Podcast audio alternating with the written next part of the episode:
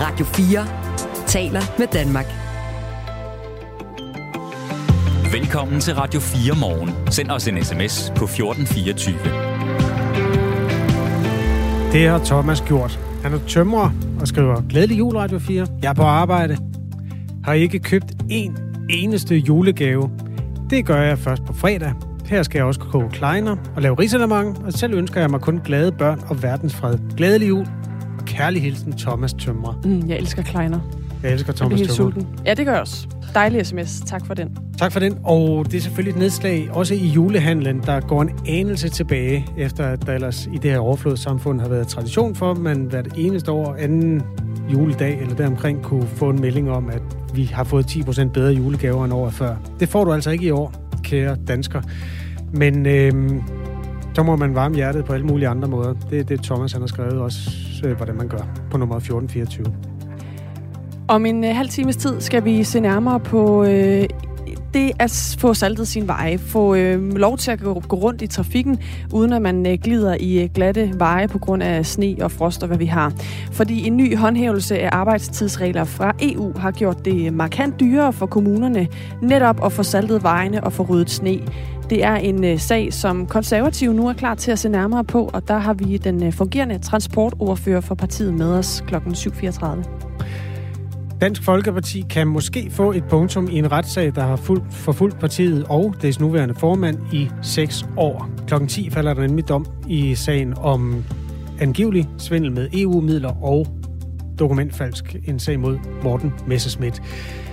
Det er så spørgsmålet, om det sætter et punktum, og hvordan fremtiden i det hele taget ser ud for partiet. Det forsøger vi at finde ud af om cirka 10 minutter her i Radio 4 morgen. Først så skal vi en tur op i øh, luften. Radio 4 Morgen er med Kasper Harbo og Anne Philipsen Henrik Møring på nyhederne.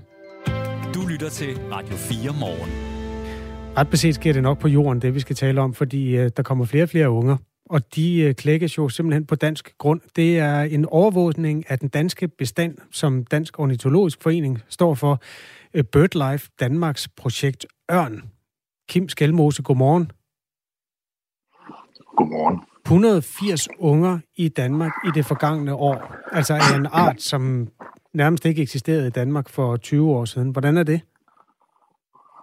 Jamen, det er jo en, det er jo en fantastisk historie omkring genindvandringen af, af vores havørn. Så øh, det er jeg meget, glad, meget, meget, meget glad for. Hvordan kan det lade sig gøre? Altså, hvad er det, der kan få en bestand til at stige? Hvad er det, der forandrer sig så meget ved vores lille land? Jamen, det, der har været med til, at øh, vores bestand den er steget, det er simpelthen, at havørn den er totalt fredet, og at øh, holdning til vores øh, fugle, eller fuglen, den er simpelthen ændret, at fra at gå til at være sådan en, øh, en fugl, folk de havde, så så elsker folk jo simpelthen øh, vores øh, havørn i dag. Så det er, så det er simpelthen en årsag til, og så at, vi, at vi beskytter den og passer på den, og, og sådan får ro og fred, når den sådan øh, skal til at yngle. Det er, det er simpelthen en af grundstenene til, at det er en succes. 180 øh, klækkede unger. Hvor mange voksne er der så? Ja. Jamen, vi, vi regner med, at vi har omkring 150-160 øh, ynglepar i, øh, i Danmark nu og langt stærkere øh, med havørnen, end det vi, vi regnede med for, for mange år siden. Der har vi regnet med i, i 2040-45, så havde vi måske 70 par. Så øh, det er virkelig gået fremad med, med havørnen. Altså, er det virkelig rigtigt, at man gik og skød dem dengang, eller slog dem ihjel på alle mulige Ja. måder? Ja, det gjorde man. Men øh, der var mange steder, hvor man simpelthen virkelig havde udregnet en, en plan for, hvordan man simpelthen kunne totalt udrydde øh, havørnen. Altså, eller vores rovfugle generelt. Ikke? Så det er, det er noget grum læsning, jeg sidder en gang imellem og kigger på, når jeg sådan ser tilbage i tidsskrifter, øh, 100 år eller mere tilbage, ikke? Altså, hvor man sådan tænker, hold nu op, man, så ikke et syn på naturen dengang. Heldigvis er det forandret i dag, jo. Det er, hvis vi skal forsvare mennesket lidt, så var det jo også et spørgsmål om overlevelse.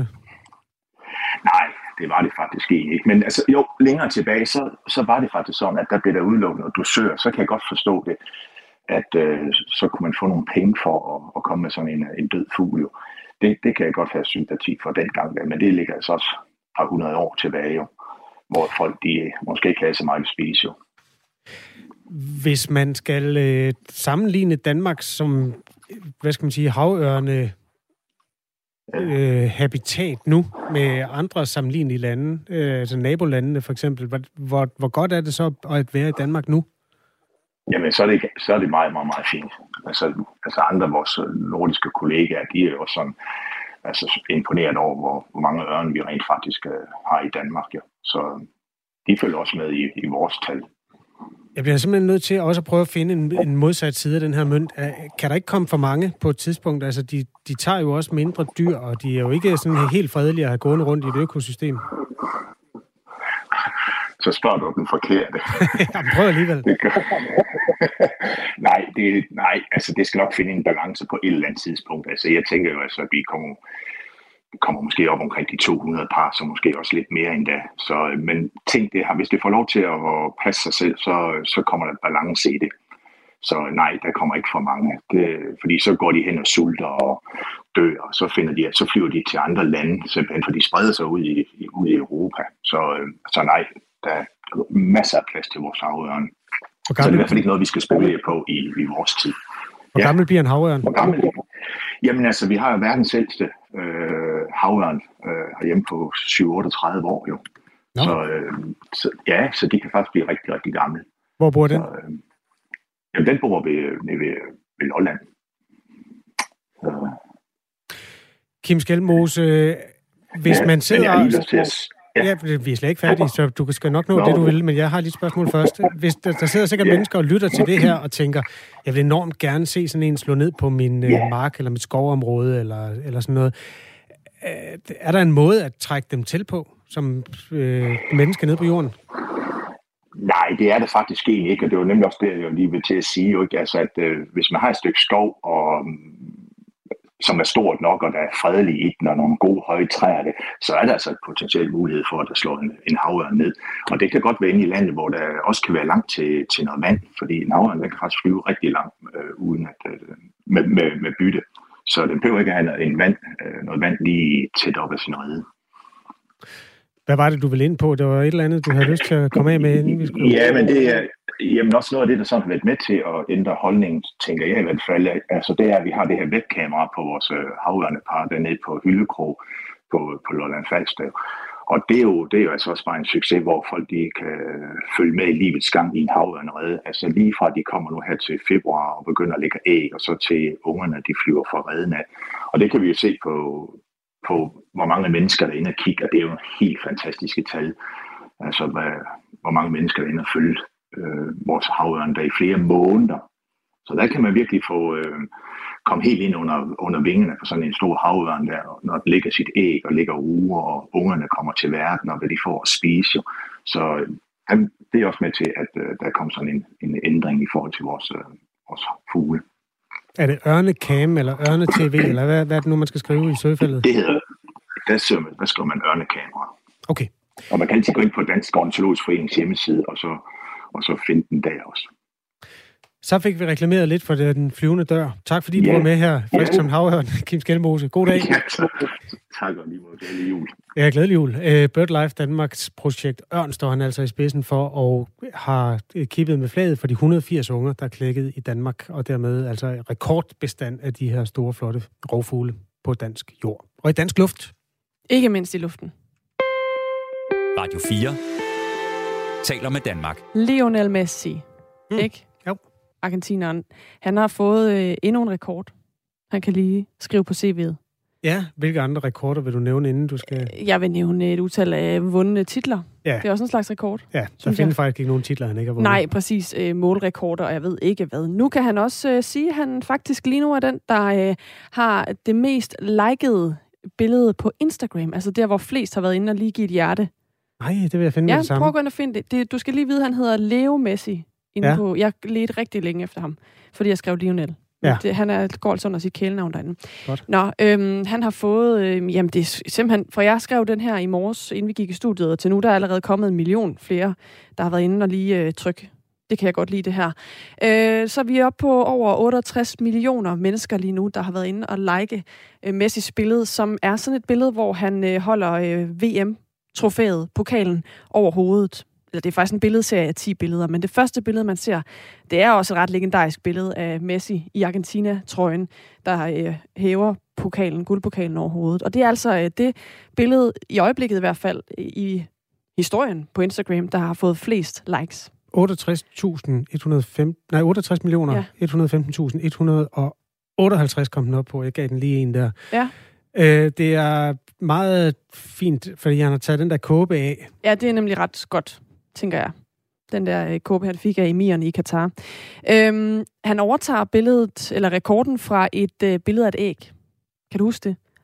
Nej. Det var tilbage i 19. Der var der et billede af et æg, som øh, gik viralt på Instagram. Man ville ligesom have flere likes end den, der på det tidspunkt havde det, som var Kylie Jenner, som er i forbindelse med Kim Kardashian og den her Kardashian-familie, som nogen måske mm. kender. Og så sagde man, det kan ikke passe, hun skal have den rekord. Nu skal vi vise jer, at et æg godt kan få øh, flere likes end det. Og så gik der totalt sport i det. Så gik alle ind og likede det der billede, et generiske billede af et æg. Øh, og så har det så 57 millioner likes lige nu, så Messi er altså et godt stykke over. Så noget, der betyder noget for en hel masse mennesker i Sydamerika, det får flere likes end et æg, der ikke betyder en skid for nogen. Det er sådan set på en måde godt nyt. Det er egentlig lidt opløftende. Ja. ja.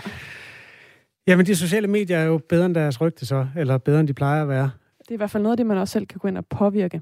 Jeg vil gerne øh, gøre øh, Argentina en lille smule færdig, når vi er ved det, ja. hvis jeg må. Og det er så både lidt alvorligt, men også øh, selvfølgelig et udtryk for en kæmpe fest. Der bor 3 millioner. Der bor 3 millioner mennesker i Buenos Aires, øh, Argentinas hovedstad. Og øh, de var på gaden i går sammen med en hel masse andre. Altså, der blev talt bare i centrum af Buenos Aires 4 millioner mennesker. De havde også fået en helligdag, en fridag ja. til at fejre, så der var jo ingen undskyldninger. Nej, men der var heller ikke nogen, der havde, havde lyst til ikke at komme, kan man sige. Det, der var det store problem, det var, at der var simpelthen så mange, så den planlagte fejring af en bustur, eller der var jo en bus, øh, og den var fyldt med øh, verdensmestre, inklusive Messi, vi lige har talt om, mm. og pokalen, den øh, nåede kun til forstederne, inden det gik op for arrangørerne af den her kæmpe folkefest, at den skulle nok ikke en tur igennem centrum. Mm. Så man dirigerede den en anden vej. Nå, det så er det da sur for dem, der stod der og ventede. Ja, det kan man sige, men de havde det rart. Det kan man se på okay. mange af de billeder. Der var kæmpe fest. Der, sådan helt efter sydamerikansk tradition gik det også galt for nogle få øh, vedkommende, men det gik generelt øh, over stok og sten med den fest. Den, det lydklip, jeg lige spillede, det er dog en budbringer om, at det ikke gik øh, helt efter bogen hele vejen. Det er optaget, mens bussen med spillerne og pokalen kører under en bro. Og der står nogle fans, der er så varmblodede, at de simpelthen vælger at springe fra, blodet, eller fra broen og ned i bussen. Mm. Der er to mænd, der springer. Den første lander i bussen blandt alle sine helte. Og det oh. må jo være dejligt. Ja, det. Nummer to, han rammer forbi, og det er derfor, du kan høre fotografen her. Prøv at høre ham. Nej, nej, nej, nej, nej. Ja. så lad det være. Han slår sig øh, formentlig af pommeren til, fordi der er altså langt ned fra broen, og han når så lige at rekogiterer ned fra bussen og lander et sted på asfalten. Hans tilstand er der ikke noget nyt om, men der er meldt om to dødsfald i første omgang i forbindelse med fejringerne. Det er folk, der er kørt galt på motorcykler, og folk, der er røget igennem tage og sådan noget. Og det følger nok med, når man samler 4 millioner mennesker øh, i en lille bydel, hvor hele byen plejer at rumme tre. Hvor der er øh, ekstrem glæde og, og sådan, øh, måske også en lille smule overmodighed. Ja, men det stjæler ikke billedet. De er stadigvæk glade i Argentina. Klokken, det var bare det. Ja, så fik vi rundet det. Klokken den er 18 minutter over syv. Du lytter til Radio 4 morgen. Siden 2016, der har Meldt og Felt sagen øh, klæbet til Dansk Folkeparti. Partiets nuværende formand, Morten Messerschmidt, er tiltalt for dokumentfalsk og for at svindle med EU-midler. Og klokken 10 i dag, der falder der så dom i sagen. Men øh, hvad betyder dommen, uanset hvordan den falder ud for det parti, som har været øh, meget igennem på den her front? Det kan vi jo øh, tale med René Danielsen om, der er medlem af Folk- Dansk Folkepartis hovedbestyrelse. Godmorgen. Godmorgen. Derudover så er du også folketingskandidat for partiet for Bornholm, og så sidder du også i kommunalbestyrelsen på Bornholm. Hvis der falder dom i sagen i dag, og Morten Messerschmidt vælger ikke at anke sagen, så er den øh, vel slut. Hvad vil det betyde for Dansk Folkeparti? Jamen altså, uanset øh, hvordan det ender, så tror jeg, at Morten ser frem til, at der kommer en eller anden form for, for afgørelse. Det har jo været, undskyld mig, Danmarks historiens største parodi på, på et retssystem at trække en mand igennem det her, der har, når det har varet så lang tid. Og uanset hvad dommeren måtte komme frem til, om den bliver anket eller ej, så kan man jo næsten sige, at manden har jo udstået en eller anden form for straf. Jeg kan da ikke finde noget fortilfælde med, med nogen, der har skulle være den offentlige gabestok så længe. Men jeg tror, det kommer i høj grad an på, hvad Morten også selv har lyst til. Fordi øh, altså man kan sige, altså alt, alt, alt efter hvad, hvad, hvad der bliver sagt øh, i dag, jamen så, øh, så er den første, der skal tage stilling til noget som helst, det er, jo, det, er jo, det er jo Morten selv. Kan han se sig i det, og hvad med Folketinget, og, og så videre, og så videre, ikke? Det er jo en sag, der kører øh, for anden gang, fordi den øh, dommer, der var i sagen øh, første gang, hvor øh, Morten Messerschmidt blev kendt skyldig og idømt 6 måneders betinget fængsel, der blev dommeren senere erklæret inhabil, og det er så derfor, den kører igen ved retten på Frederiksberg, og jeg går ud fra, at det er det, du mener, når du siger, at det er en parodi på et retssystem, men det er jo så også historien om, at det trods alt måske for øh, Morten Messerschmidt, det må man jo øh, gå ud fra, eftersom han også klagede over, øh, over det her, er rare, at den kører nu, og dermed øh, bliver øh, vurderet øh, ud fra øh, nogle andre andre dommer, end at han hellere øh, havde bare taget imod. Det kunne han jo også have gjort, så havde pinen jo været ude for, for længst. Nej, men jeg, jeg tænker lige så meget på, at det handler, det handler om, at, at selve sagsforløbet har taget så lang tid. Altså, vi snakker om, undskyld mig, og jeg er godt klar over, at det ikke gør øh, den mulige forbrydelse mindre, hvis, hvis, hvis, hvis den er fundet sted. Altså, vi snakker om 98.000, der ikke er endt i nogens lommer. Øh, og det er 98.000, man har tilbudt at betale tilbage. Og, og, og det, at det skal tage så lang tid og undskyld, have så stor indvirkning øh, på mennesker, øh, altså vi snakker jo om, at, at de facto har Morten jo nærmest udstået en straf på forhånd, som er, som er hårdere end den både voldtægtsforbrydere og, og, og, og folk, der har begået manddrab, de får. Hvordan det? Øh, fordi, jamen, det, han, altså, Morten har jo skulle gå i, øh, i de sidste mange år og nærmest været blevet kendt skyldig øh, på forhånd. Desuagtet, at der ikke har været en, Hvordan en, en har du oplevet, at han er blevet det? Nå, men altså man kan sige, det, altså, der er jo den, den, den fjerde statsmagt, som, som, som alt andet lige har, har fundet en, en, en, en, en vis, og det, det er min påstand, en vis fornøjelse i at, at prøve at køre Morten midt over, så at sige. Ikke? Øh, og fordi, fordi at der er jo ikke nogen, som, som, som, som har taget bestik af, hvad der har været af lignende sager i Danmark, for det er jo ikke et indgangstilfælde, øh, desværre, at der er lad os kalde det mis, misforståelse om, at man bruger de der penge på. Det er jo, SF har jo gjort det adskillige gange, men det, der har jo ikke været eks- eksempler på det samme. Det er nok en uh, tolkningssag, om man kalder det misforståelser. I hvert fald står det jo klart, at Morten Messerschmidt er tiltalt for dokumentfalsk og for at svindle med uh, øh, EU-midler. Uh, nu sagde du før, at han har udstået en uh, straf, der er nærmest hårdere end det uh, drabsmænd giver. Jeg vil bare lige sige, det giver altså ty- typisk, eller hyppigt i hvert fald, 10-12 år på vand og brød René Danielsen. Så, uh, jeg sagde manddrab, det er noget andet. Det tror jeg faktisk øh, giver nogenlunde samme øh, dom. Nå, men lad os vende os mod det, som også er anledning til, at vi taler med dig. Jo netop, at sagen kan være øh, afsluttet i dag. Vil det egentlig æve dig, hvis Morten Messersmith anker sagen, og du jo så dermed, øh, som også partimedlem for Dansk Folkeparti, skal øh, trækkes med den her sag i endnu længere tid? Altså, jeg kommer ikke til at ærge mig over, at øh, hvis, øh, hvis, hvis Morten vælger at, at bruge den rettighed, han har, hvis, hvis udfaldet skulle være... Øh, det, det, det mindst sandsynlige i, i min optik. Øh, det er sådan set en rettighed, alle mennesker har, og jeg synes jo alt andet lige, at når der taler om, om, om noget, hvor der ikke er kommet nogen penge i, øh, i Mortens lommer, så kan jeg da godt forstå, hvis han vil, hvis han vil prøve, øh, prøve den ved en højere instans, hvis øh, udfaldet ikke skulle falde til hans fordel man kan sige, øh, nu, nu nævner du flere gange det her med, at pengene ikke er landet i hans lommer. Bare lige for at slå fast, det er jo stadigvæk en sag, der handler om, hvorvidt han har gjort noget, man ikke må. Altså det, det er bare lige for, at, øh, at man er helt med på det. Men du siger jo også, René Danielsen, at det øh, har været en sag, som har fyldt meget. Øh, altså, vil det så ikke det lys være rart, at Morten Messersmith tog imod den dom, der nu måtte falde i dag, uanset dommens udfald, og så øh, kunne lægge den her sag bag sig, på partiet ikke mindst, kunne lægge den her sag bag sig? Jo, det, det, kan, det kan man sige, men man skal nok heller ikke forklare, at der er nogen, der har brugt dommen politisk, også i, inden, for egne, inden for egne rækker. Og derfor kan jeg jo godt, øh, man kan sige, nu skal man jo ikke øh, motiv øh, fortolke, hvad, hvad nogle mennesker har sagt eller ikke sagt i en retssal. Men, men jeg, jeg må da undre mig over, at der har været, lad os kalde det en, en form for kollektiv hukommelsestab hos nogle mennesker, Øh, blandt andet en, øh, en, en, en, en daværende gruppeformand, som på en lydfil står og siger, at øh, der har, nu skal vi ikke snakke mere EU, og det, nu skal vi komme videre i teksten. Så, så man, skal, man skal nok ikke underkende den betydning også, og det, set se i det lys forstår jeg godt, hvis Morten siger, prøv nu her, det, uanset hvad der kommer til at ske i dag, jamen så, øh, så er der nogen, der har brugt den her som løftestang på at skulle ødelægge hans øh, både liv og politiske karriere, og derfor kan jeg da godt forstå, hvis han vil have prøvet den en gang til. Men det er jo selvfølgelig øh, Morten Messersmiths egen øh, forfængelighed eller, eller retsfølelse, det, det handler om. Men for dig som medlem af Dansk Folkeparti, som kæmper for partiet og gerne vil have, at partiet kan komme ud af det her, vil det så ikke være øh, rart, hvis I kunne få lov til at lægge den her sag på is? Jamen selvfølgelig har det været rart, hvis vi kunne få sagen til at gå væk. Men, men, Eller men, få den men der afsluttet i dag.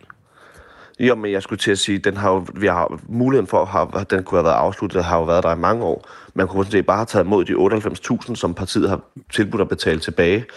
Øh, men, men det er suagtet, hvad, hvad der måtte være i, øh, i Mortens sag i dag, jamen så er der jo andre folk, som også, lad os kalde det, er på anklagebænken, og altså min retsfølelse er der en lille smule sat på spidsen, når, når folk, der blandt andet er medunderskrivere på nogle af de her papirer, så til sydlandet går fri. Så, så uanset hvad, så havde, ville jeg ikke have et personligt problem med, at Morten får den anket igen. For jeg synes faktisk, undskyld mig, der er nogen, som burde have røven lige så meget i klaskehøjde som Morten øh, for det her. Og der synes jeg ganske enkelt, der er nogen, der er sluppet for nemt.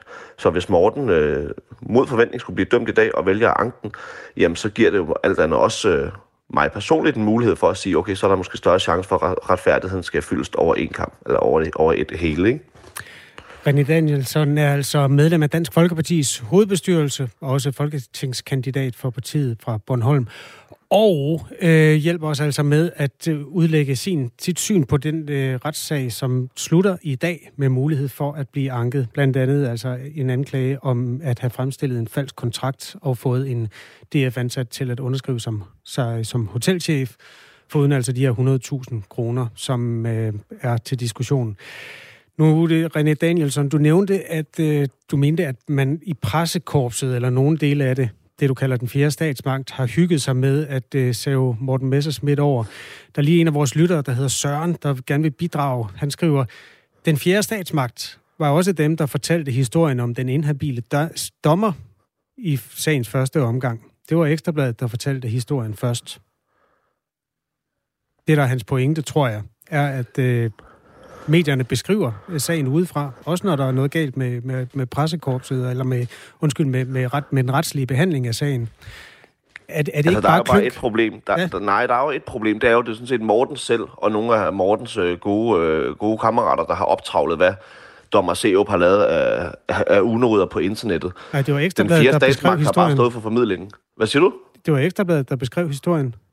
Nå, men altså, men, men, men det, det, det, det er jo rigtigt nok, men det er da glad for, at der mindst det var en avis, som rent faktisk ville, øh, ville, ville tage retten, når den blev serveret på et sølvfad. Men det er jo ikke, det er jo ikke den fjerde statsmagt, der har lavet det Er kravende arbejde. Ved du, at Ekstrabladet lavede den historie på baggrund af et tip fra Morten Messerschmidt, at det ikke var omvendt?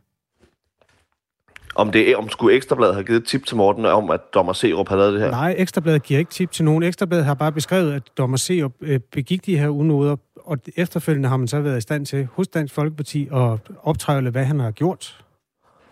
Jamen, jeg, jeg, der, der tror jeg måske godt, man kan stille spørgsmålstegn om, hvem der har lavet det, det, den, den største mængde gravearbejde. Men lad nu det ligge, tror jeg. Det er sådan set sagen udvedkommende. Ja, jeg er jo ikke helt, hvis, hvis man sådan beskriver det som, at medierne har en aktiv rolle i sagen, eller medierne står på sidelinjen og beskriver sagen.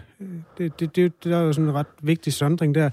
Er, er det ikke lidt klønk, at øh, medierne ikke må beskrive en sag, når den Altså, er jeg ved så ikke, stor? hvor meget kløng det er, hvis, I, hvis man havde forholdt sig til substansen. Altså, nu har Morten jo været anklaget for, at det skulle handle om 5 millioner og, og, og meget større beløb med 98.000.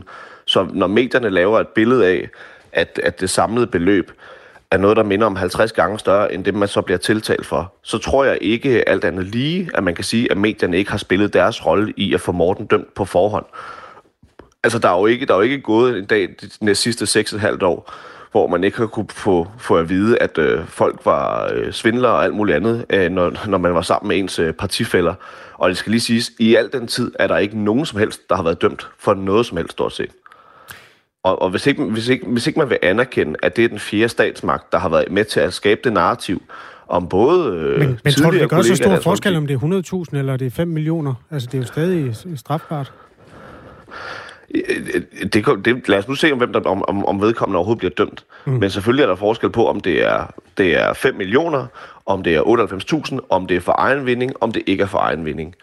Og det tror jeg sådan set, undskyld mig, man skal være blind, hvis ikke man kan se det. Tak fordi du var med her til morgen, René Danielsen. Jamen selv tak og glædelig jul. Ja, glædelig jul. Medlem af Dansk Folkepartis hovedbestyrelse, og altså også folketingskandidat for partiet på Bornholm og i kommunalbestyrelsen på Bornholm. Husk, at du kan øh, skrive ind til Radio 4 Morgen og bidrage med enten dit syn på de nyheder, du hører, eller måske øh, nye perspektiver, hvis du har fulgt sådan en sag som den her med stor interesse, eller hvis du er medlem af Dansk Folkeparti og måske deler syn med René Danielsson. eller det modsatte. Du er velkommen under omstændigheder. Nummeret er 1424. Klokken er halv otte. Nu er der nyheder på Radio 4. Volodymyr Zelensky rejser til USA i dag. Ukraines præsident skal møde præsident Joe Biden og tale til kongressen ved besøget i Washington D.C. Det bekræfter det hvide hus ifølge AFP. Besøget skal understrege USA's trofaste forpligtelse til at støtte Ukraine, så længe det kræves, siger en talskvinde for det hvide hus. Det er første gang siden Rusland invaderede Ukraine i februar, at Zelensky vil forlade sit land. Mødet mellem USA og Ukraine sker i skyggen af russisk missilregn og en stigende frygt for, at tusindvis vil dø denne vinter, fordi Rusland angriber kritisk infrastruktur. Zelenskis sikkerhed er øverste prioritet, skriver The New York Times, og derfor kan mødet blive flyttet, hvis en trussel mod hans liv opstår. Enhedslisten fastholder kritikken af Folketingets formand Søren Gade, som ved siden af formandsposten har en række bidjobs. I går besluttede et flertal i udvalget for forretningsordnen i Folketinget, at Venstremanden blandt andet kan fortsætte som bestyrelsesformand for Esbjerg Havn. Bidjobbet i Esbjerg Havn indbringer Søren Gade 300.000 kroner oven i de cirka 1,7 millioner, han tjener om året som formand for Folketinget. Det skaber tvivl om formandens habilitet, siger Enhedslisten Enhedslistens gruppeformand Peter Velblund til TV2. Det er svært ved at se, hvorfor man skal optage en plads i Esbjerg Havns bestyrelse, som jo i øvrigt også giver 300.000. Men, men det afgørende er sådan set ikke pengene. Det er sådan set det, at med det omdømme, der er i forhold til, til værvet som Folketingets formand, der bør man simpelthen ikke uh, skabe den tvivl, om man også uh, skal varetage andre interesser, end, end det at være Folketingets formand. Søren Gade afviser kritikken. Hvis det er således, der opstår et habilitetsproblem, så skal jeg nok være den første til at se det, og så er jeg der selvfølgelig ikke længere. Antallet af udenlandske lønmodtagere kom op på 300.000 i september. For fem år siden rundede tallet første gang 200.000. Det svarer til en gennemsnitlig stigning per år siden da på omkring 18.000. Det siger noget om, hvor vigtige udenlandske medarbejdere er for virksomhederne, siger vicedirektør i Dansk Industri, Sten Nielsen. Øh, hvis ikke vi havde dem, så kunne vi simpelthen ikke øh, levere de ting, vi skulle, og, og få, øh, få virksomhederne til at køre rundt. Og så siger det selvfølgelig også noget om, at vi har et arbejdsmarked, som er bumstærkt, og hvor der er blevet skabt rigtig mange job øh, i de senere år. Øh, både til udlændingene, men altså i høj grad også til, til rigtig mange danskere. Cirka hver, hver 8. ansatte herhjemme er udenlandsk statsborger.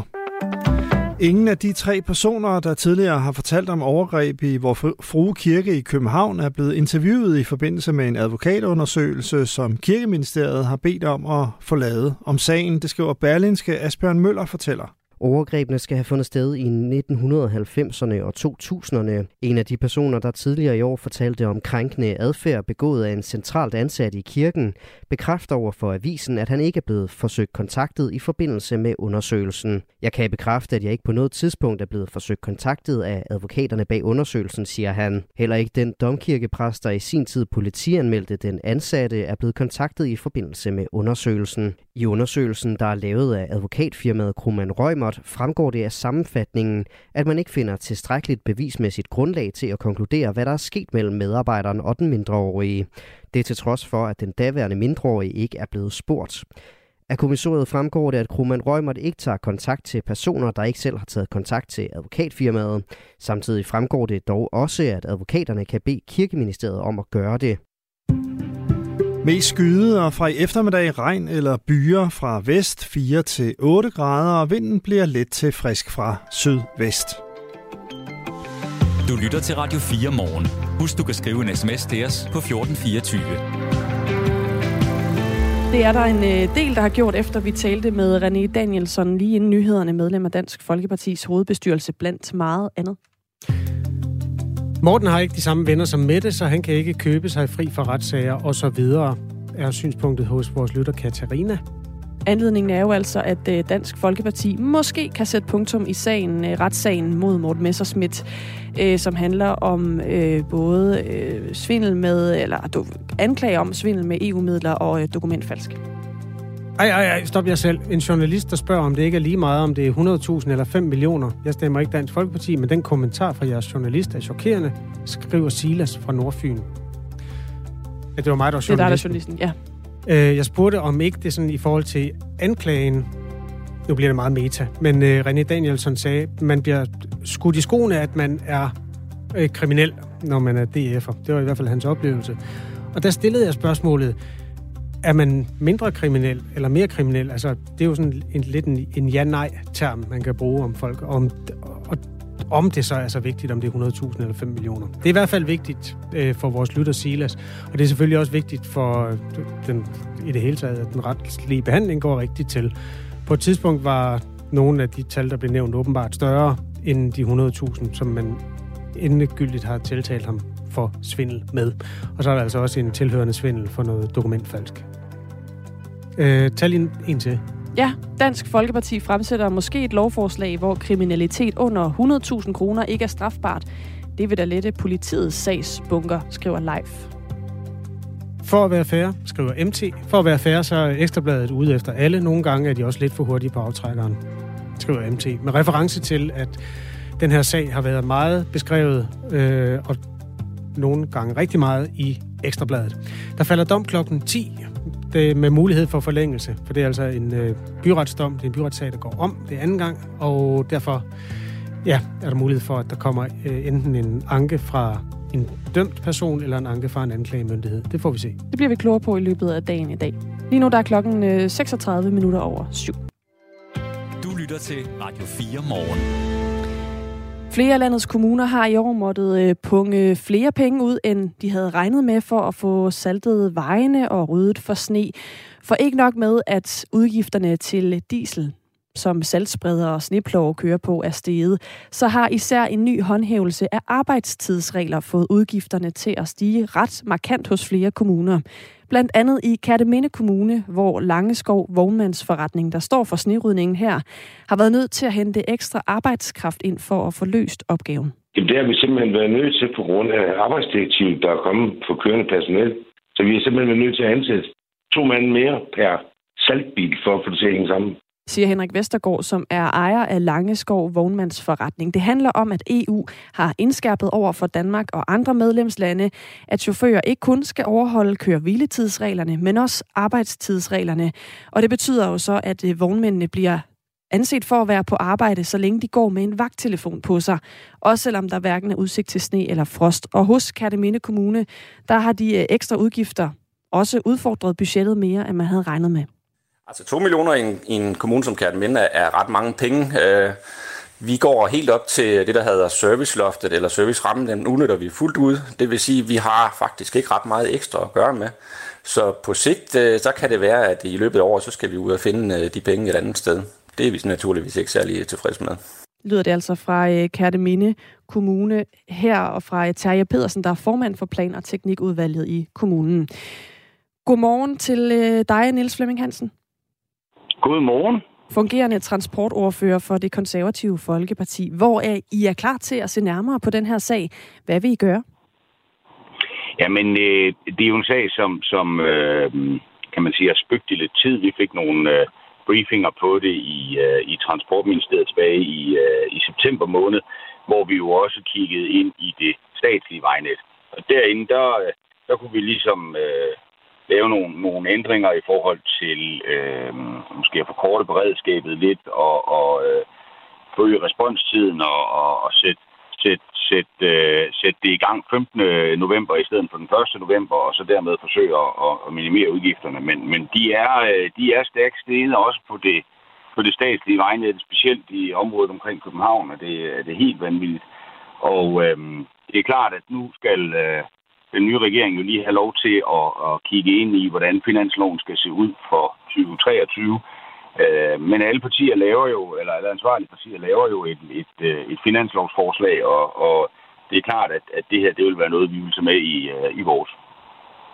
Det er, øh, som jeg også nævnte før, en indskærpelse fra EU, der gør, at man lige pludselig har oplevet det her. Det er noget, der er gjort at Mhm. omkostningerne er steget. Altså den her øh, regel, det her arbejdstidsregler øh, og, og direktiv om, at vognmænd bliver anset for at være på arbejde, hvis de går med vagttelefonen.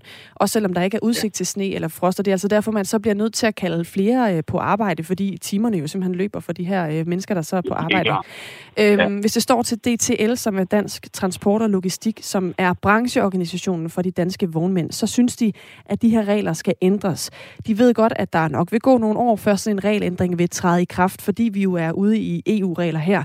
Men er det øh, noget, du som øh, fungerende transportordfører for det konservative Folkeparti vil hjælpe med at skubbe på for at få realiseret altså en øh, lovændring i sidste ende, der, der skal finde sted i EU? Ja, det, det vil vi jo arbejde på, fordi du, du stiller jo øh, både kommuner øh, meget, meget ringe, og du, du stiller i virkeligheden også vognmændene meget ringe, fordi øh, de folk, de har på, kan jo så ikke lave andet øh, i, den, i den samme periode, øh, og, og, og det duer jo simpelthen ikke. Altså, det skal jo være ret og rimelighed i alting, og, og fordi man har en øh, vagttelefon og, og går derhjemme, så, så øh, synes jeg måske nok, at, at, at det her det er lige overdrevet nok. Men samtidig så er reglerne jo også lavet for at tage hensyn til medarbejderne. Altså er det ikke meget fair, at de bliver kompenseret for at være standby og ved at have den her vagttelefon og skulle kunne rykke ud i et tilfælde af, der bliver et dårligt vejr? Øh, jo, altså det er klart, at når folk står standby, så, så, skal man jo, øh, så skal man jo finde en eller anden, øh, hvad skal man sige, kompensation på det. Øh, den skal bare være ret og rimelig. Og hvordan kunne den se ud, hvis den skulle være ret og rimelig? Ja, men det er jo, øh, det, det, øh, det kan jeg simpelthen ikke svare dig på lige nu, fordi så skal jeg jo ind og kigge øh, decideret på den, på den enkelte aftale og, og tale, med, tale med branchen og tale med vognmændene omkring det, fordi det er jo sådan set dem, som, øh, som har erfaring med det her, og som, øh, og som er de rigtige at spørge. Har du planer om at gøre det? Jeg taler med branchen øh, stort set hver dag, så, så ja, det har jeg. Det er ikke kun hos kommunerne, det er blevet dyrere at få ryddet vejene. Tidligere på året, der måtte øh, Vejdirektoratet også sande, at den nye håndhævelse af de her arbejdstidsregler betyder, at det er blevet langt dyrere for dem også at rydde vejene. Da man øh, sendte den opgave i udbud, udbud hos øh, Vejdirektoratet i år, der var prisen for at rydde statens veje 3,5 gange højere end normalt. Der var den altså steget fra 35 til 125 millioner kroner, det skrev DR i november. Men det er altså også især for kommunerne, at øh, de her stigende udgifter jo kommer oveni, at landets kommuner i forvejen er presset på økonomien. Hvor hurtigt kan der egentlig findes en løsning på det her på Christiansborg? Jamen, jeg, jeg, jeg tænker, at på Christiansborg kan vi sådan set nok relativt hurtigt finde en løsning. Øh, men det er klart, at øh, når vi skal ind og, og, slås om arbejdstidsregler med EU, så tager det jo altså øh, noget længere tid. Jeg synes, det som er interessant ved, ved, ved det, du nævner her, det er rigtigt, at der var jo, øh, så vidt jeg husker, tre runder udbud på, på vintertjenesten her i, øh, i 2022, øh, hvor man jo også måtte ind og ændre øh, på, øh, øh hvad, hvordan, hvordan udbuddet så ud. Og, øh, og som jeg nævnte før, så specielt området omkring København, jeg, jeg mener husk, det blev 12 millioner dyr bare der. Øh, men, men, øh, men det, som er rigtig interessant i det her, det er at sige, nu får vi jo så også i, i foråret her en evaluering og siger, hvad har de her ændringer af udbudsreglerne så gjort for, for, øh, for vintertjenesten? Og hvis, øh, hvis vi har en oplevelse af, at, at, at, at de ændringer, der er lavet, sådan set ikke har gjort øh, det store, så er det klart, så, øh, så er det jo også noget, man kan implementere ud i kommunerne. Så, så der kan ligge nogle besparelser der. Men, men jo slet ikke i de omfang, som, som, øh, som er det, vi kigger ind i. Bo Christiansen, han er uddannet chauffør i 1997, og udover det, så er han også lytter af Radio 4 Morgen, og han har skrevet ind på 1424. Arbejdstidsdirektivet blev vedtaget i 2014, men bliver nu først håndhævet i Danmark. Man har masser af tid, har haft masser af tid til at tilpasse sig både personalemæssigt og økonomisk. Men det er det sædvanlige i transportbranchen. Kører solen sort og brugter så over, at der bliver lavet regler imod det. Skriv altså Bo ind på øh, vores øh, sms nummer 1424. Niels Flemming Hansen, kunne det her ikke også være en opgave, som øh, vognmændene selv måtte løse, når nu de faktisk godt har vidst, at øh, det her var på vej, og at det var noget, man skulle overholde? Jo, det kan du sige. Øh, omvendt, så, øh, så synes jeg, at den her udskamning af vognmændene, som jeg hører fra, fra Bo her, det, øh, det er jeg nødt til at sige, det er, øh, den synes jeg måske også er grov. Vi skal lige være opmærksom på, at øh, der kører sig altså ikke en kilometer på gummihjul i Danmark, uden der sidder en forbruger et eller andet sted i den anden ende. Øh, og, øh, og forbrugerne, øh, de... Øh, de har jo en holdning til, hvad, hvad man vil betale for tingene. Så, så, så, så jeg abonnerer ikke helt på, øh, på, på det, han siger. Men, men det er rigtigt, at øh, vognmandsbranchen øh, skulle gøre øh, noget selv også. Og det har jeg egentlig også haft en oplevelse, de har gjort under den forrige minister. Men hvor under den tidligere minister, der øh, har det måske været lidt mere vanskeligt at komme igennem med nogle ting. Her til sidst, øh, Niels Flemming Hansen, du sagde før, at du tænker, at øh, der godt kan relativt hurtigt ske noget øh, på det her område på Christiansborg. I kan få ændret noget. Hvad er det helt præcist, du tænker, øh, I, I kan få ændret, som vil hjælpe vognmændene i den her sammenhæng? Og men altså, øh, for det første så er vi jo i et øh, arbejdsmarked, hvor øh, vi jo decideret mangler folk. Øh, og det gør vi jo også i, i, i vognmandsbranchen i meget, meget høj grad. Ja. Øh, så vidt jeg husker, så er det 15.000 øh, medarbejdere, vi står og mangler lige i øjeblikket. Så, så vi kan nok finde en vilje til at finde en løsning øh, på det her, på den her udfordring øh, i, i, øh, i, øh, inden for transportområdet. Øh, men, men som jeg sagde før, et er, at vi jo kan blive enige på Christiansborg, men, men øh, derfor så tager det stadigvæk lang, lang tid at vil påvirke EU på det her område. Men det at ansætte flere koster jo også flere penge. Skal, skal det så være penge, vognmændene får fra Christiansborg? der bliver jeg simpelthen nødt til at have spørgsmålet en gang til. Jeg tænker bare, du siger, at øh, man kan jo ansætte flere, og der står folk, der godt kunne bruge et job, men det koster jo penge at ansætte flere. Det er jo også det, der er udfordringen for vognmændene. Så hvem skal betale for det? Jamen, det er jo klart, at øh, når, man, øh, når man laver et udbud, så, øh, så er der en pris på, øh, på den vare. Og, øh, og når den øh, pris bliver højere, og det gør den, så bliver man nødt til at kigge på, hvordan strikker man så udbuddet sammen til, at det passer rigtigt. Men, men det er klart, at, at som du selv nævner i introen, at, at, at dieselpriserne er steget osv. Så, videre. så så der er jo nogle ting, der undværligt er blevet dyre, og det er jo også, øh, det er også fint, men, men man behøver ikke lægge unødigt benspænd ind. Øh, vi skal huske, at det er altså forbrugerne, der i sidste ende betaler. Tak fordi du var med her, Nils Flemming Hansen, fungerende transportordfører for det konservative Folkeparti. Klokken er kvart i otte. Det her er Radio 4 morgen. Folketingets formand Søren Gade kan forblive på lønningslisten andre steder end i Folketinget, efter at han jo har sat sig i formandstolen. Det står klart efter, at der blev holdt møde i udvalget for forretningsorden i går. Søren Gade er foruden sin øh, politiske poster også formand for bestyrelsen på Esbjerg Havn. Og det er en bestyrelsespost, der ifølge Ekstrabladets oplysninger indbringer 300.000 kroner årligt. Det har han også bekræftet over for øh, Dagbladet. Udover den post har han også øh, andre bestyrelsesposter, som dog ikke er lønnet. Men når man er formand for Folketinget, kan man så tage sig af andre ting samtidig. Det mener Jesper Olsen ikke. Han er formand for Transparency International Danmark, der bekæmper øh, og forsøger at dagsordenen sætte omkring korruption og interessekonflikter. Godmorgen, Jesper Olsen. Godmorgen. Hvorfor kan Folketingets formand ikke bestride andre værv end det? fordi Folketingets formand øh, er øh, hvad det hedder det højst demokratiske valg øh, embede vi overhovedet har i det her land og repræsenterer øh, Folketinget og repræsenterer uafhængighed i forhold til hvad det også eksempelvis kontrol med øh, med den udøvende magt. Altså, så jeg må, jeg, må, jeg må simpelthen indrømme, at jeg havde ikke i min vildeste fantasi forestillet mig, at jeg nogensinde skulle give det interview, som jeg er i gang med at give her. Hvad kan problemet være ved, at Søren Gade øh, sidder som Esbjerg Havns bestyrelsesformand, samtidig med, at han er formand for Folketinget? Jamen det er jo, at når du møder Folketingets formand, så møder du Folketingets formand. Punktum så møder du ikke Folketingets formand og formand for Esbjerg Havn og alt muligt andet. Folketingets formand og Folketingets formands embede er hævet over, om jeg så må sige, de almindelige politiske, hvad det hedder, trakasserier. Og jeg har hørt Søren Gade sige, at hvad det, er, det fordi han godt vil have kontakt med virkeligheden. Øh, ja, det er sådan set derfor, vi har gode vilkår for, at Folketingets medlemmer har mulighed for at have kontakt med virkeligheden.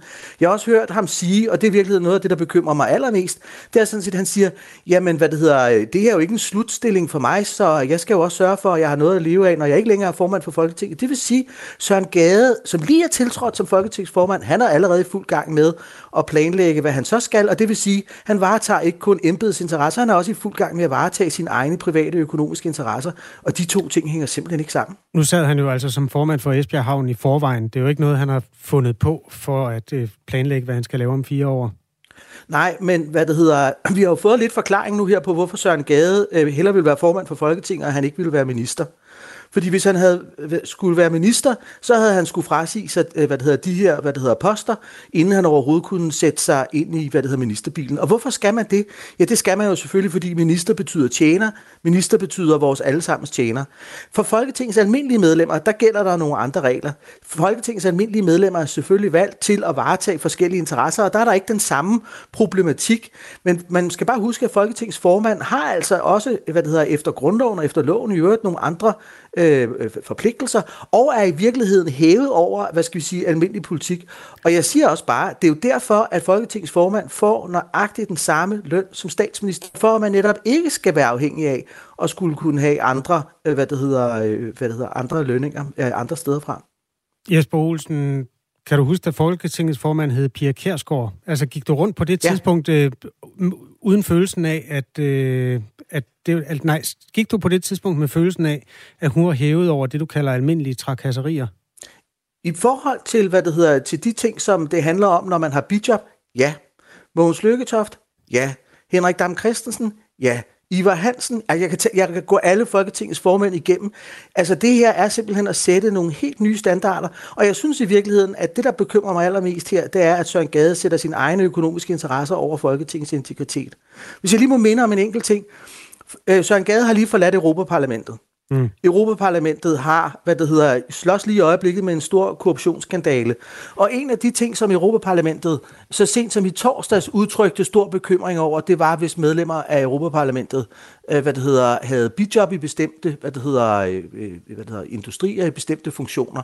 Søren Gade ville ikke kunne være formand for Europaparlamentet og samtidig være formand for Esbjerg Havn. Jeg siger det bare. Nu kan du have holdninger til det her som formand for Transparency International Danmark, men øh, udvalget for forretningsorden holdt møde om det i går og nåede frem til, at det er okay, at han forbliver ja. på lønningslisten. Øhm, er du klogere end dem? Hvad, hvad det hedder, jeg konstaterer i hvert fald bare, at der i Folketingets udvalg for forretningsorden eksisterer sådan lidt det, jeg kalder en Skjold Hansen-logik. Øh, hvad havde vi hænderne til, hvis den ene ikke skulle vaske den anden? Det, jeg noterer mig, det er, at dem, der har opbakning til Søren Gade, det er de samme partier, som nu er gået i regering. Og der er altså åbenbart sådan en eller anden, hvad skal vi sige, øh, hvad det hedder, aftale om, hvordan øh, man håndterer det. Øh, og, og det her understreger i virkeligheden for mig en pointe, som jeg har hvad det hedder, advokeret for, nemlig at jeg synes, at for, posten som formand for Folketinget burde øh, hvad det hedder, ikke tilfalde et af regeringspartierne, men burde tilfalde øh, hvad det hedder, et af partierne uden for regeringen, simpelthen fordi vi har behov for nogle, nogle, nogle balancer øh, hvad det hedder, og også for, at man kan se øh, på sådanne sager her, uafhængigt af, hvad skal vi sige, de øh, partipolitiske aftaler, man i øvrigt øh, har lavet ved en, øh, ved en regeringsdannelse. Men når vi er helt inde ved kernen her, så handler det her altså om Folketingets integritet, og at når vi ser Folketingets formand, ja, så er vedkommende i mange forskellige spørgsmål, øh, hvad skal vi sige, skal være hævet over øh, at have andre interesser end at varetage folkestyrets, som er et af de bærende elementer i, øh, hvad det hedder, i vores demokrati. Jesper Olsen øh, har altså mange bud på, hvordan man kunne lave Folketinget og hele strukturen omkring det om, men øh, er først og fremmest modstander af, at Søren Gade kan sidde som formand for Esbjerg Havn øh, til et årligt øh, salær på 300.000, altså bestyrelsesformand på de kanter. Nu får du lige nogle ja-nej-spørgsmål, Jesper Olsen, for at øh, kortlægge yes. dine holdninger til, hvor man skal sidde. Du skal ikke uddybe det, du skal bare sige ja eller nej. Må Søren Gade være formand for en skakklub? Hvis det er den, øh, ja, hvis det er den, han altid har været medlem af. Må han være, hvorfor må han ikke være formand for Frederikshavn Skakklub, hvor han aldrig har sat sine ben? Fordi, hvad det hedder, der, øh, hvad det hedder, han har han ikke nogen, hvad det hedder, hvad det hedder, relation til. Hvis han har været medlem af en skakklub, øh, hvad skal vi sige, hele sit liv og har spillet skak der, så, hvad det hedder, så betragter jeg det som værende inde i den helt private, øh, private sfære. Hvad kan der gå galt ved, at øh, han måske, hvis nu hans kone øh, har spillet i den her skakklub, eller hvad det nu kunne være, øh, og så får trukket ham til, og han tilfældigvis har tid til at, at komme til de der to årlige møder. Hvad, hvad kan Folketingets formand nogensinde gøre, der er korrupt i den sammenhæng? Jamen det her handler sådan set om, hvad det hedder, om nogle principper, øh, og det her handler om, at hvad det hedder, lige så snart du begynder at lege den leg, som du er i gang med her, og som jeg godt kan forstå, så er det i virkeligheden, at vi er i gang med sådan set at græd, grædbøje integritet.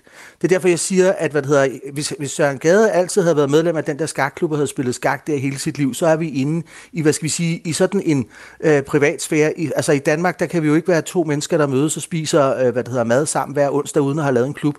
Øh, så der er sådan noget helt ind i den den private sfære, men derudover så må der være et, øh, i forhold til lige præcis det embede, øh, en, øh, en nul-tolerance. Vi kan lige tage en sms fra, eller der er faktisk to lyttere, der skriver til os. Rasmus Kaiser, Fedt. skriver, enhedslisten kan kritisere alt, hvad de vil. De er et parti uden indflydelse. Så en Gade har nok brug for pengene, så han kan opretholde sin levestandard. Det er typisk den nye regering. Lev med det. God jul. Den behøver du ikke kommentere, for du har sagt, hvad du mener om det med pengene, Jesper Olsen. En anden før... Men må, jeg, må, jeg, må jeg ikke bare lige om pengene sige, at hvad der for mig er pengene ikke afgørende. Det er de heller ikke for ham, siger bare han. Konsta- Nej, men det eneste, jeg bare... Men, men det, som man, man jo bare lige skal huske omkring pengene, det er jo, at når du får 300.000 kroner for en formandspost, så er det jo fordi, du skal bruge tid på det. Så er det jo fordi, du ikke bare kan møde op seks gange om året og åbne kuverten til bestyrelsesmødet, når du er der. Så er det jo fordi, det er en arbejds, øh, øh, hvad det hedder, byrde, punkt 1, og punkt 2, du påtager dig et stort juridisk ansvar. Det, altså, det er jo, det, der, det, er jo det, det, du får pengene for. Du får jo ikke, hvad det hedder, pengene bare for, det er jo ikke dem, der i sig selv er interessant, men pengene får du, fordi du skal levere noget, og fordi du påtager dig et stort juridisk ansvar. Og Esbjerg Havn er altså en, en forretning. Esbjerg Havn er en, en, øh, en havn, som er NATO-havn osv. osv. Og, og, og så er det jo, at hvad det hedder, interesserne begynder at hvad det hedder, kollidere. Vi har selvfølgelig forsøgt at invitere Søren Gade til at øh, kommentere det her. Det er jo god skik og brug, når man øh, går ind i folks øh, liv og rejser kritik over for nogle dele af det. Folketingets formand har ikke svaret, selvom vi har forsøgt nogle gange. Efter mødet i går sagde han til Ekstrabladet, hvis ikke jeg troede, jeg kunne magte det, eller hvis der var et habilitetsproblem, vil jeg selvfølgelig ikke fortsætte. Giv lige et eksempel, Jesper Olsen, på et sted, hvor interesserne mellem det at være Folketingets formand og så være bestyrelsesformand for Esbjerg Havn, hvor kan det kollidere henne? Det skal være et konkret eksempel. Men det er jo, men det er, jo, det er jo fordi Søren Gade, hvad det hedder, han, hvad det hedder, han har slet ikke set, hvad det er, han har gang i her. Fordi det, han har gang i her, det er sådan set, det er Folketingets, øh, hvad det hedder, integritet, der er på spil her. Fordi hvis man skulle Jamen, følge det er, Søren det er Gades... konkret. Jo, men prøv at høre, hvis du, prøv at høre, hvis du skulle følge Søren Gades logik, så skulle han jo heller ikke have frasagt sig, hvad det hedder, posten som kommitteret for hjemmeværnet og alle mulige andre ting. Så kunne han, var der jo sådan set i virkeligheden fri leg inden for de 24 timer, som han har i døgnet, ligesom alle os andre. Dem Så har det han er sikkert fordi- det er derfor, prioriteret Søren. Gade, Ja, men, men det er jo fordi Søren Gade, hvad det hedder, han øh, hvad det hedder, ser det her som værende, øh, hvad det hedder, sådan nogle, han gemmer sig bag sådan nogle snævre inhabilitetsregler, i stedet for i virkeligheden at se på det helt principielle, og stille sig selv spørgsmålet, hvorfor er det, at alle mine forgængere har frasagt sig alle poster, øh, hvad det hedder, når de er blevet formand for Folketinget. Det er fordi, det er for uforenligt. Øh, fordi Folketingets formand og funktionen er hævet over, hvad skal vi sige, øh, den, slags, øh, den slags ting, at man overhovedet skal hvad hedder, have den diskussion. Nu har forretningsudvalget altså taget stilling til det, så jeg skal bare lige høre, fordi det er jo meget principielt, det du lige har ridset op. Kan du give et konkret eksempel på, at det kan være et problem at være formand for Esbjerg Havn, når man også er folk, form, formand for Folketinget? Jamen, Folketinget fører jo kontrol med, hvad det hedder, med, med regeringen. Lad os nu bare sige, at der opstår nogle situationer på Esbjerg Havn, øh, som man har betydning for, at, hvad det hedder, at regeringen af den ene eller den anden grund øh, er nødsaget til at, at føre kontrol med. Det er eventuelt en aftale i forhold til, at de skal være NATO. Så begynder Folketingets formand lige pludselig at skulle føre kontrol med sig selv. Det hører jo ingen steder hjemme. Det, der bare er situationen her, det er, at i modsætning til alle andre medlemmer af Folketinget, så er han sådan set i virkeligheden hævet over, hvad skal vi sige, de hvad skal vi sige, politiske ting, øh, hvad det hedder, der, øh, hvad det hedder, der, der kan være, mm. øh, og, og, hvad det hedder, og, og det, det, der er hans rolle, det er det, der er hans øh, funktion. Når du møder Folketingets formand, må du ikke være i tvivl om, du møder Folketingets formand, øh, om du møder, hvad det hedder, øh, bestyrelsesformanden for Esbjerg Havn, eller helt, en hel masse andet. Tak fordi du var med, Jesper Olsen. Velbekomme. Formand for Transparency International Danmark, som jo altså øh, er en NGO, der sætter korruption og muligheden for samme på dagsordenen, og altså også gør det her. Øh, du er velkommen til at tage telefonen, Søren Gade, hvis du hører det her øh, interview og har lyst til at kommentere sagen. Du, der også har en telefon, men ikke hedder Søren Gade, velkommen til at skrive til os på nummeret 1424. Hvor er det trist, at verden ikke kan skjule sin stillingtagen, er der en, der skriver. Med adresse til mig, tror jeg. Mm. Og det tager jeg jo gerne imod, øh, sådan noget, fordi jeg kan godt forstå, at det lyder sådan. Det er simpelthen det, det går ud på, når man er i en position, hvor man interviewer et menneske, der har en holdning i den ene ende af landskabet, så skal jeg repræsentere den anden. Øh, tidligere på morgenen fik jeg øh, kritik for det modsatte, og det vil, det vil fortsætte, og de sms'er skal man altid huske at skrive på nummeret 1424. Lige nu der er der øh, et minut til, vi skal have en runde nyheder. Der kan vi lige nå at nævne Elon Musk. Ja. Ja. Øh, chef for, eller hvad er, er han chef for Twitter? Topchef for Twitter, men måske ikke ret, ret meget længere. Han siger i hvert fald, at han vil stoppe, når han finder en, der er tåbelig nok til at overtage. Han er jo i gang med at sætte ild til det hele, Elon Musk. Lavede jo en afstemning, hvor han øh, bad folk ligesom øh, svare på, skal jeg blive, eller skal jeg træde af som topchef? Mm. 17 millioner klikkede lige ind og stemte, og øh, 57,5 procent sagde, du kan godt smutte. Det er fint for os. Find en anden. Og det var sjovt, men jeg har også fornemmelsen af, at det burde han have vidst. Altså, ja. han er jo ikke dum. Nej, men han, øh, jeg tror ikke helt, han lever... Øh, han ser ikke de samme ting, som vi andre ser. han, andre, sige det sådan. han er i en anden boble. Han er i et andet sted, øh, i, et andet, i et andet univers nogle gange. Det er også farligt ikke at lave sådan en afstemning. Vi mig eller jeg så, at øh, Snoop Dogg havde lavet en tilsvarende afstemning. Vil I have mig som chef for Twitter? Og der var der over 60 procent, der sagde ja tak. Så det går nok den vej. Klokken er 8.